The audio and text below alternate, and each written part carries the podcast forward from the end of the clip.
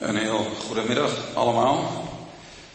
Het is een vreugde om hier uh, samen te zijn en een doopdienst te kunnen meemaken en samen ook Gods woord uh, te kunnen openen. Samen ook te kunnen aanbidden. En ik wil u voorlezen uit de Bijbel uit het Marcus Evangelie, Marcus hoofdstuk 5 vers 1 tot en met 20. Marcus hoofdstuk 5 vers 1 tot en met 20, de bevrijding van de man die bezeten was. De man die woonde bij de Gadarenen. Marcus hoofdstuk 5 lees ik u voor vanaf vers 1.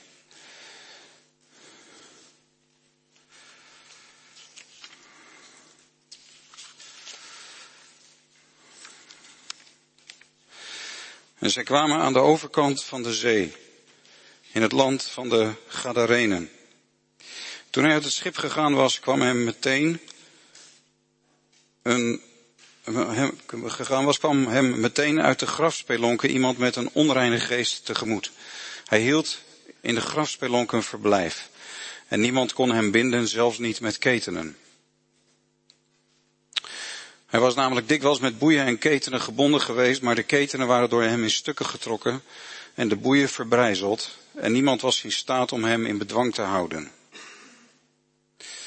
En hij was altijd nacht en dag op de bergen en in de grafspelonken en hij schreeuwde en sloeg zichzelf met stenen.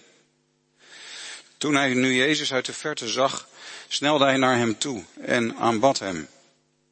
En met luide stem schreeuwde hij, wat heb ik met u te maken, Jezus, Zoon van God de Allerhoogste? Ik bezweer u bij God dat u mij niet pijnigt. Want hij had tegen hem gezegd, onreine geest, ga uit van deze man. En hij vroeg hem, wat is uw naam? Jezus vroeg, wat is uw naam? En hij antwoordde, mijn naam is Legio, want zij waren met velen. Want wij zijn met velen.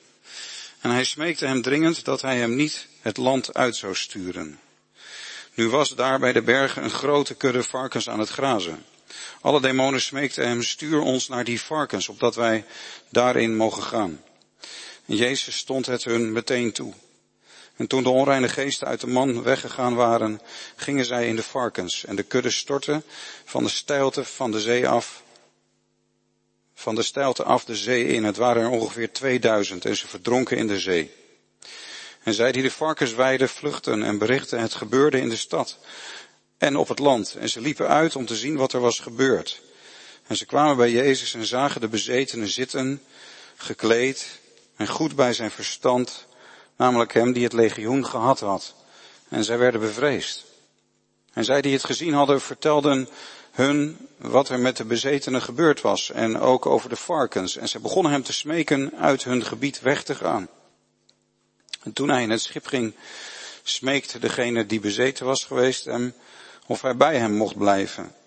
Maar Jezus stond hem dat echter niet toe.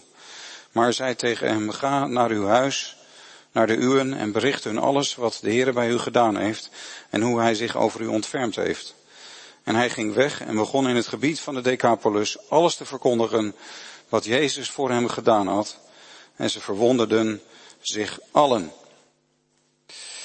Tot zover de lezing uit Gods woord. Ik heb de indruk dat de versterking heel erg met ups en downs is. Klopt dat of kunt u het goed horen? Is deze goed of moet ik die andere pakken? Het is wel goed? Oké. We lezen hier over een man die er heel slecht aan toe was. Die in een afgrijzelijke toestand in het leven was terechtgekomen. En ik moest trouwens denken aan, uh, dat is de eerste keer dat ik dat verband zag, want Marcus hoofdstuk 4 eindigt met dat Jezus de storm tot stilte brengt. Dat een enorme storm opsteekt op het meer van Galilea. En dat Jezus in het schip is met de discipelen.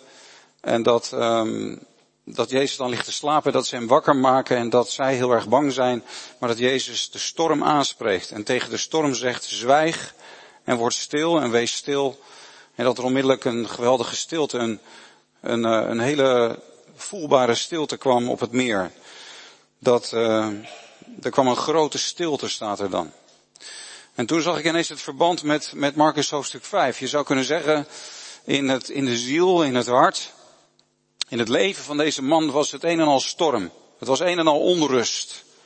En het was, uh, het was verschrikkelijk uh, dreigend allemaal. En veel angst ook, denk ik. En je zou eigenlijk de toestand van de ziel van deze bezeten man kunnen vergelijken met die storm.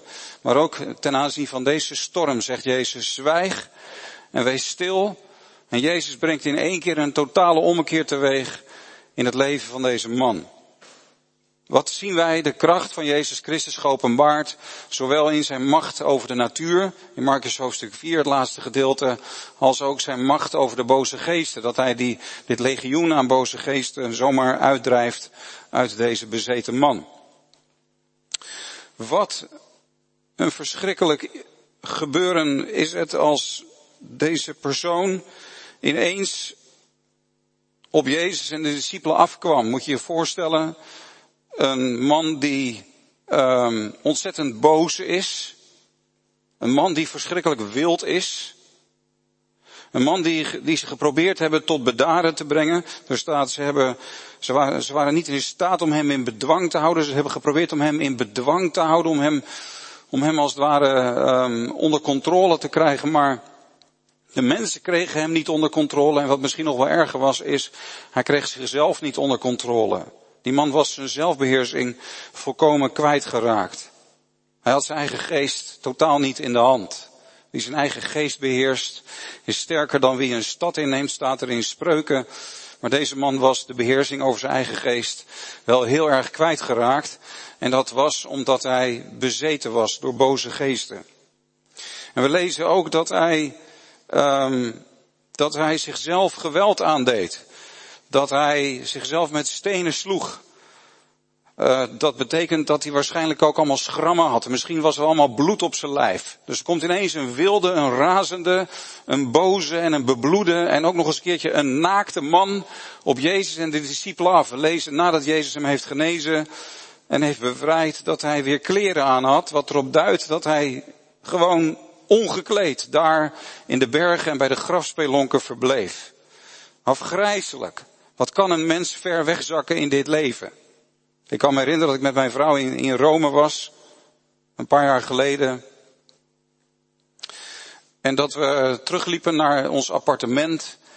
En dat er een vrouw was vlak bij ons appartement.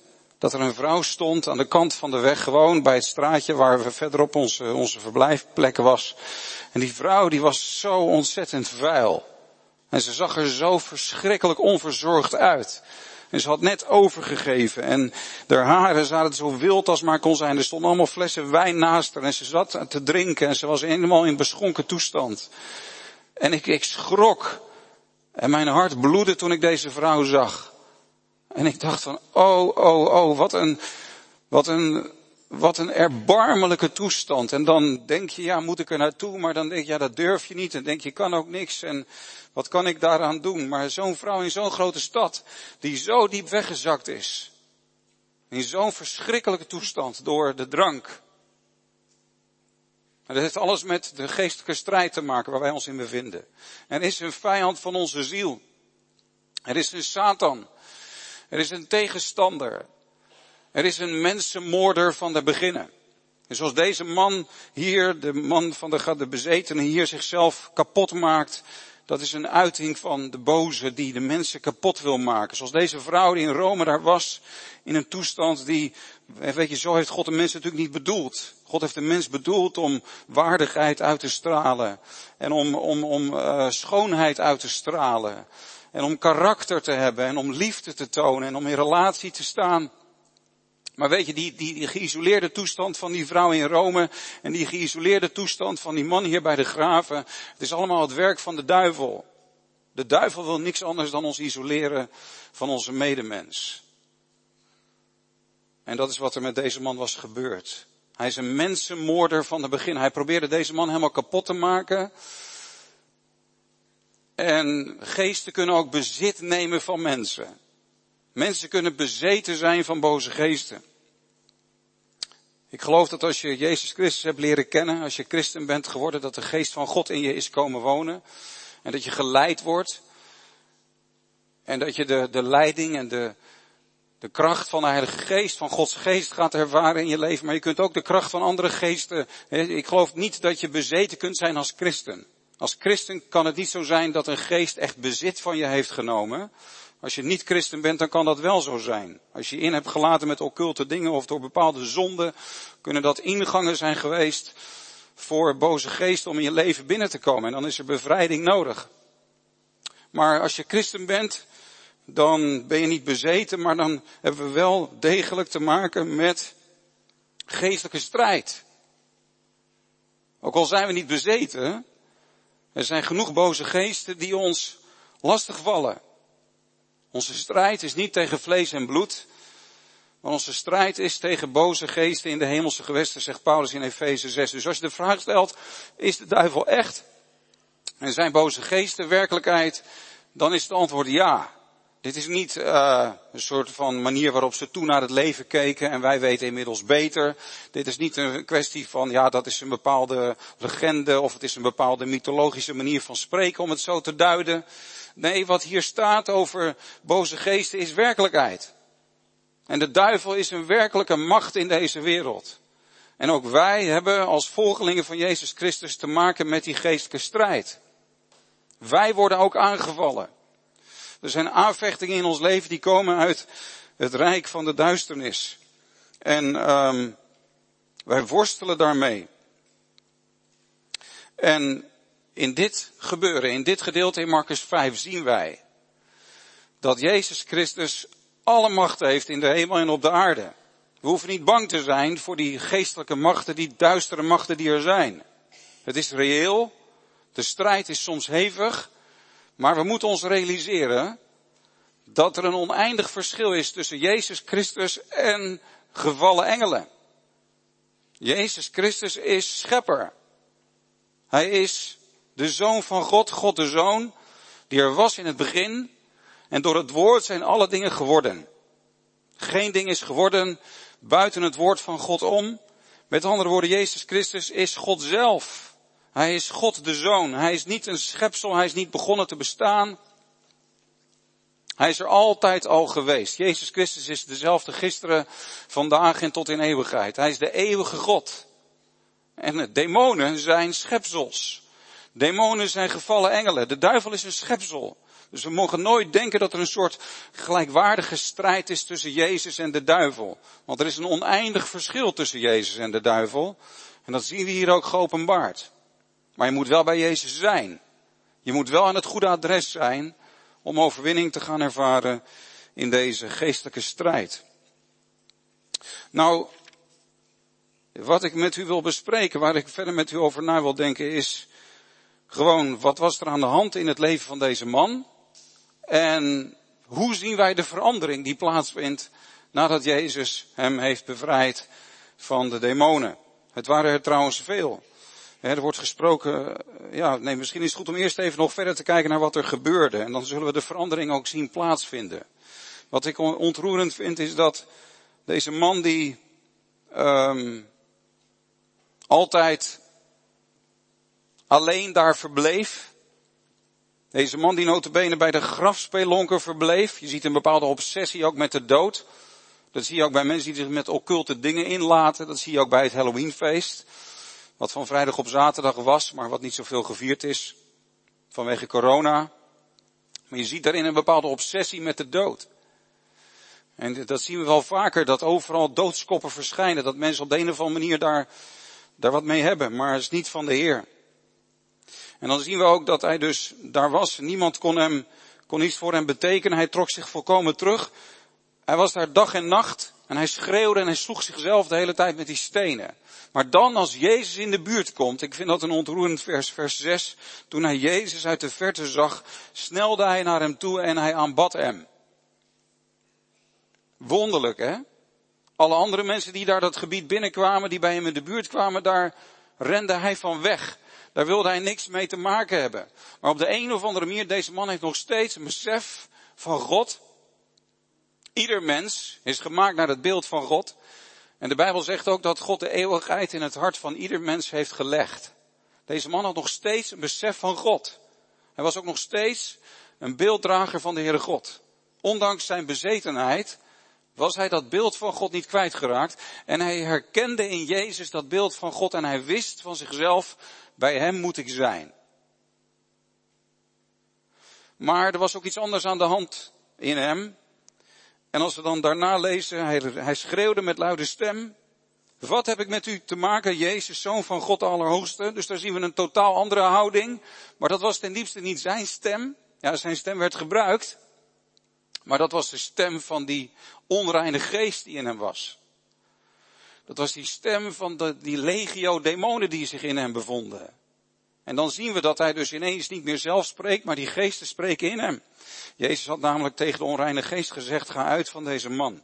En dan zeggen die onreine geesten, die zeggen, wat heb ik met u te maken, Jezus, zoon van de Allerhoogste God. We zien dus, de duivel wil niks met Jezus te maken hebben. De duivel trekt ons weg bij de Heer Jezus. Maar we weten van nature, we weten vanuit ons eigen hart, als beelddragers van God, dat wij bij Jezus moeten zijn. En dat, lieve mensen, is misschien wel een, een, een, een duiding van de strijd die u en ik meemaken. Wij verlangen naar de Heer.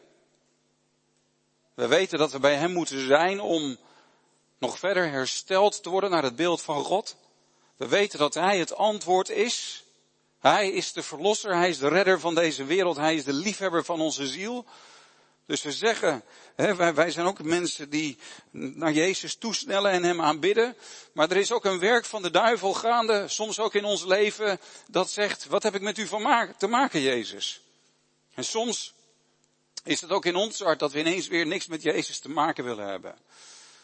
Maar Jezus overwint dat. En Jezus neemt dat weg.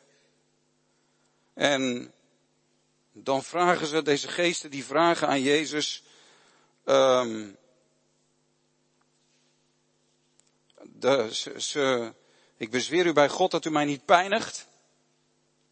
De geest of de geesten, er wordt zowel in enkelvoud als in meervoud over die geesten gesproken.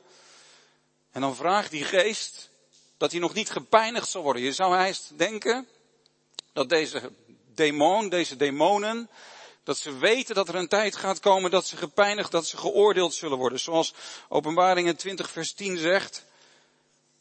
Openbaringen 20 vers 10 lezen wij dat de duivel in de poel van vuur en zwavel geworpen werd, waar ook het beest en de valse profeet reeds zijn, en ze zullen dag en nacht gepijnigd worden in alle eeuwigheid. Dus de boze geesten, de duivel en al, al zijn engelen, die weten dat het oordeel gaat komen. En nu hebben deze geesten te maken met degene die straks dat oordeel zal gaan uitoefenen, zal gaan uitvoeren. En dan zeggen ze, we smeken u dat u ons nog niet pijnigt, dat u ons niet pijnigt.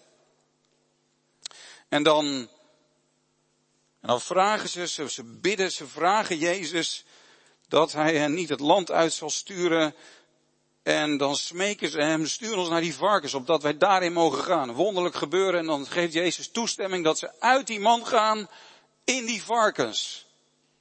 En het gevolg is dat die varkens helemaal gek worden. En die varkens worden wild. En zoals ik al zei, de duivel die wil alles kapot maken. Hij wil de mens kapot maken, maar hij wil ook de schepping kapot maken. En deze varkens gaan helemaal kapot als die geesten in hen komen. En onmiddellijk storten die varkens zichzelf van een hoogte af, van een steilte af, de zee in. Misschien wel als een, als een soort beeld van wat er inderdaad in het einde der tijden met alle demonen zal gaan gebeuren. Dat ze de afgrond ingeworpen zullen worden, zoals we hebben gelezen in Openbaringen 20 vers 10. Ook hierin zien wij de absolute macht van Jezus Christus. Hij heeft alle macht. En hij heeft gezegevierd over de overheden en machten in de hemelse gewesten. Hij heeft en ontwapend, zegt Paulus in de Colossensebrief. Hij heeft de machten van de duisternis ontwapend. De, deze geesten hadden geen wapens meer in handen waarmee ze Jezus konden aanvallen. Hij heeft Satan de kop vermorzeld, zegt uh, Genesis 3, vers 15. Hij heeft Satan de kop vermorzeld en de boze geesten moeten wijken. En deze man wordt bevrijd. Wat is dit een geweldig wonder wat hier gebeurt. Een geweldige openbaring van de glorie van Jezus Christus. Denk eens aan de man in wat voor toestand hij was. Hij was volkomen onbeheerst. Ze hebben hem met boeien geketend, maar die boeien heeft hij verbrijzeld. Ze hebben andere dingen geprobeerd om hem tot rust te, te manen, maar hij, hij, hij rukte alles aan stukken. Hij was volkomen onbeheersbaar. Maar nadat Jezus deze geesten uit hem heeft weggestuurd, nadat Jezus tegen de geest heeft gezegd, ga uit van hem, En dat zijn ze ook gegaan, lezen wij dat hij daar zit. Hij zit rustig bij Jezus. Hij zit. Hij is niet meer boos. Hij is niet meer wild. Hij is niet meer gewelddadig. Maar hij is tot rust gekomen. Er is maar één iemand bij wie je geestelijk tot rust komt. En dat is Jezus Christus. Er is er maar één die de storm in jou en mijn ziel tot bedaren kan brengen. Maar één die ons kan bevrijden van de boze, zoals hij ons geleerd heeft ook te bidden. Verlos ons van de boze. De boze maakt ons onrustig. Maar als je tot Jezus bent gekomen, dan kom je tot rust. Kom tot mij, alle die vermoeid en belast zijn, en ik zal je rust geven. We weten ook dat hij naakt was. Misschien heeft dat ook wel met die onreinheid te maken. Onreinheid, naaktheid, het is zoveel om ons heen. De mensen kiezen ervoor voor naaktheid en voor seksuele immoraliteit. En dan verlies je je waardigheid. Dan verlies je je eerbaarheid. Deze man was zijn eerbaarheid helemaal verloren. Een gezond schaamtegevoel had hij helemaal niet meer. Maar nu lezen we ineens, nadat Jezus hem heeft bevrijd, dat hij gekleed was. Ik vind dat een prachtig beeld. Even terug naar die vrouw in Rome. Ik stel me zo voor dat die vrouw die er zo verschrikkelijk uitzag. Ik, het was echt weerzinwekkend. Het deed me huilen zoals ik die vrouw daar zag. Ik dacht, het zal je dochter maar zijn. Of je moeder. En je komt in zo'n toestand terecht in het leven. Maar het idee dat deze vrouw, die zo verschrikkelijk vies was, letterlijk, letterlijk zo vreselijk vies, dat die vrouw dan tot genezing, tot bevrijding, tot verlossing zou zijn gekomen en hulp zou hebben gekregen van God, van Jezus en van andere mensen. En dat ze waardig gekleed erbij zou zitten. Dat de ouders van deze vrouw hun dochter zouden zien zitten en zouden zeggen, wat zie je er mooi uit. Dat de mens zijn waardigheid terugkrijgt. Ook uiterlijke schoonheid. Er is een bepaalde uiterlijke schoonheid die te maken heeft met je geestelijke toestand. Schoonheid zit hem niet, niet hoofdzakelijk. Ik zou willen zeggen, de belangrijkste schoonheid zit hem niet in lichamelijke schoonheid. Dat je een prachtig lijf hebt en een, een knap gezicht hebt. Maar, maar de schoonheid zit hem in reinheid. Schoonheid zit hem in karakter. En, en deze man zit ineens weer gekleed naast de Heer Jezus. Wat een prachtige overwinning. Wat een prachtige um, verandering. Wat een wedergeboorte. Wat een bevrijding. Wat een nieuw leven krijgt deze man. En hij zit daar goed bij zijn verstand. Weet je, de duivel is degene die ons denken vertroebelt. De duivel is degene die werkt in ons denken ook. Hij, hij probeert ons denken te bevuilen. En dat zegt Paulus ook in zijn brieven. Dat Satan verblindt het verstand van mensen. Hij verduistert het verstand van mensen. Dat mensen niet meer zien. Dat ze de waarheid niet meer zien. Dat ze niet meer goed van kwaad kunnen onderscheiden. Maar dat ze goed kwaad gaan noemen en kwaad goed gaan noemen. Dat gebeurt heel veel in onze samenleving. Er wordt zo vreselijk veel gelogen onder de mensen. Er is zoveel valsheid in het denken bij mensen. Zoveel kromme dingen. Zoveel kromme wegen. Zoveel zonde. Zoveel onrechtvaardigheid vanwege een vertroebeld denken. En daar speelt de strijd zich af, ook in jou en in mijn leven. In ons denken. En we hebben het woord van God nodig om de verleidingen van de boze te kunnen weerstaan. Jezus werd ook verleid in de woestijn om verkeerd te gaan denken. Satan kwam met allerlei valse ideeën. Toen Jezus verleid werd in de woestijn. Maar Jezus heeft die onwaarheden, heeft die aanvechtingen van de duivel in de woestijn weerstaan met het woord van God. Zo hebben wij Gods woord nodig om stand te kunnen houden tegen de verleidingen van de boze. Maar we lezen hier dat deze man goed bij zijn verstand was. Dat de waarheid zijn verstand nu bepaalde. Helder inzicht had hij gekregen. Hij was tot rust gekomen in zijn denken. Je zou kunnen zeggen, er was realiteitszin gekomen. Ik heb wel eens de uitdrukking gehoord, geestelijke opwekking, geestelijke vernieuwing, geestelijke revij, zowel persoonlijk als met, met elkaar, is geestelijk realisme. Dat je de realiteit gaat zien, dat je de dingen gaat zien zoals ze werkelijk zijn. En deze man die had ineens helder zicht, helder inzicht gekregen. Um, hij was goed bij zijn verstand. Dit zijn de veranderingen die plaatsvonden in zijn leven. Nog even over dat, dat verstand. Ik ben net weer begonnen om nog weer een keer dat boek van John Bunyan te lezen. De Christenreis. John Bunyan was ook een baptist.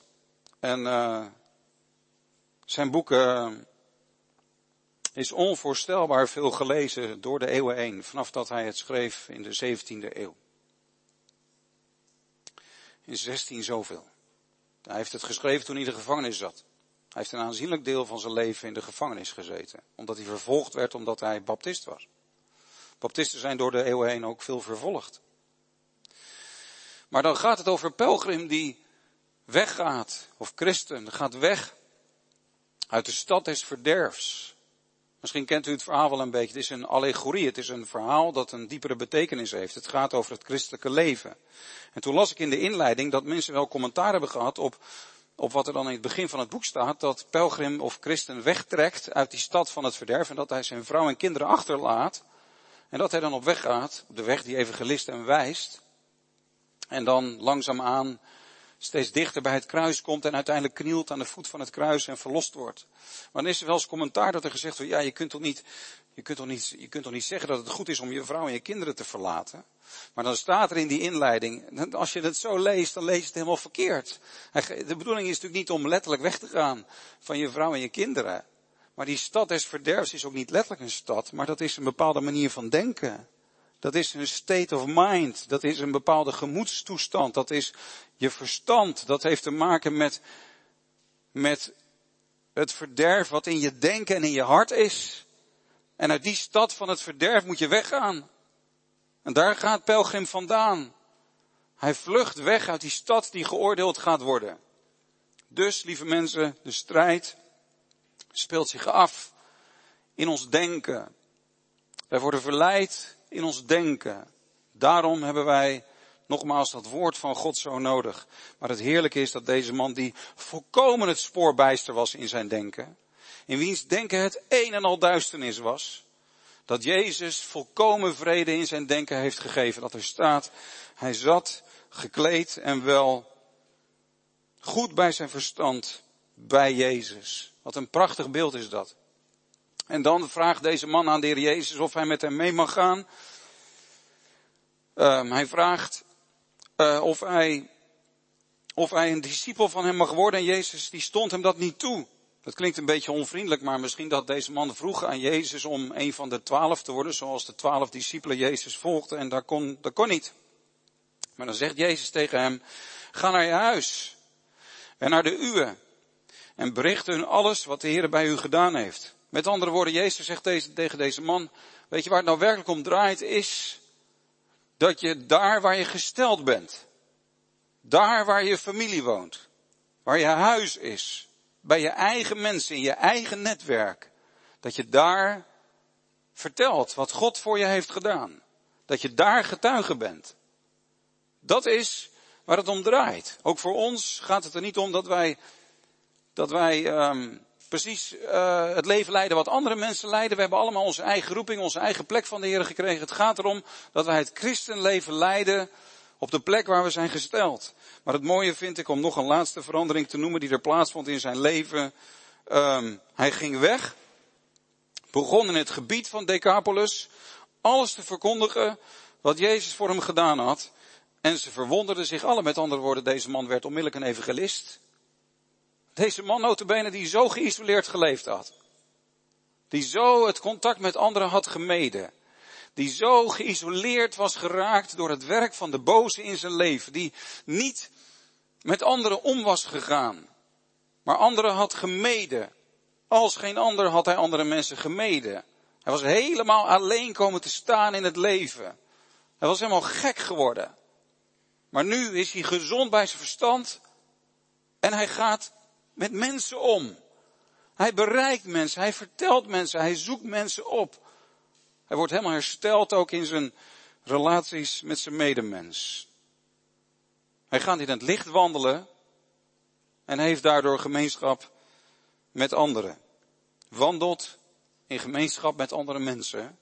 Heeft echt contact met anderen omdat hij in het licht wandelt. Wat een prachtig getuigenis. Wat een prachtig voorbeeld. Met andere woorden, er is hoop voor iedereen. Wie je ook bent, hoe duister het ook is geworden in je leven. Soms zijn het de mensen die in de meest duistere situaties zijn terechtgekomen. In de meest erbarmelijke, hopeloze situaties zijn terechtgekomen, zoals deze man. Die de grootste trofeeën van Gods genade worden. En die ook geweldige instrumenten in Gods handen worden om anderen te vertellen van Jezus, de Zoon van God, de Verlosser van deze wereld. En weet je nog, wat we ook nog tegenkomen in dit gedeelte is dat de mensen, als dit allemaal zien gebeuren, hè, dan komen mensen er naar hen toe, naar, dit, naar dit, deze plek toe. En dan zien ze deze man zitten in zijn volkomen bevrijde toestand. En dan worden ze bang en dan gaan ze het vertellen aan anderen en dan beginnen die mensen Jezus te smeken om weg te gaan uit hun gebied. Wat is dat een droevig getuigenis eigenlijk? Terwijl deze man bij Jezus wil blijven, terwijl deze man op Jezus toestapte en naar hem toesnelde en hem aanbad, zoals we hebben gelezen, terwijl deze man He, gewoon heel sterk zoiets heeft, bij Jezus moet ik zijn en dan ook die geweldige bevrijding meemaakt bij Jezus. Zijn er anderen die zeggen, um, Heer Jezus, wilt u alstublieft, wij smeken u om uit ons gebied weg te gaan. Waarom? Omdat ze hun economie belangrijker vonden dan geestelijke vernieuwing. Ze zagen helemaal niet het wonder van hoe deze man was bevrijd. Ze waren niet onder de indruk van, van dit prachtige wat ik u heb proberen te beschrijven. Ze, ze waren niet blij voor deze man. En ze hadden niet zoiets van, wat is dit en wie is hij en we willen meer van hem weten. Dit is bovennatuurlijk, dit is van God gegeven. Ze hadden helemaal geen oog voor die geestelijke dingen. Ze hadden geen oog voor de Zoon van God. Die notabene onder hun ogen is op dat moment. Dit is de kans van hun leven om Jezus Christus te ontmoeten. De kans van hun leven om, om oog in oog met Jezus van Hem te horen en Hem te ontmoeten. Maar ze zeggen tegen Jezus, ga alstublieft weg van ons. En Jezus doet dat ook. Wat eigenlijk, wat is dat eigenlijk wat is dat eigenlijk ergens beangstigend? Dat mensen die kans hebben, een kans hebben om tot Jezus te komen, een kans hebben om Hem te horen en in Hem te gaan geloven, maar dat ze de deur voor Hem sluiten. En Hem gewoon zeggen weg, we hoeven U niet. Ga weg van ons. En Jezus gaat ook weg. En Hij is er nooit meer teruggekomen. Die kans hebben ze nooit meer gekregen. Misschien is dat een beeld van ook de ernst van het evangelie. Dat wij een kans hebben om tot Jezus te komen, maar stel niet uit. Ze niet vanmiddag tegen Jezus, ga weg van mij. Ik wil mijn eigen leven blijven leiden. Ik wil mezelf handhaven. Ik vind mijn economie en mijn bedrijf en mijn varkens en mijn koninkrijkje vind ik belangrijker. Dan loop je een hele grote kans mis. Vanmiddag horen wij een getuigenis van een zuster die, die zal vertellen van haar geloof. En die zich laat dopen. En dat is een beeld van dat je, dat je niet tegen Jezus hebt gezegd, ga weg van mij. Maar dat je met al je zonden, met al je tekortkomingen en ook met je gebondenheden en met je falen en met de puinhoop die het geworden is in je leven. En met je fariseïsme en met je wetticisme en met je uiterlijke godsdienst en met je trots. Dat je tot Jezus bent gekomen. Zoals deze man tot Jezus kwam. Dat je aan zijn voeten bent neergeknield en hem hebt aanbeden.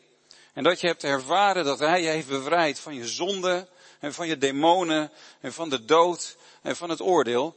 En dat je dan met je hele hart zegt, heren, als u dit voor mij gedaan hebt, hier is mijn leven.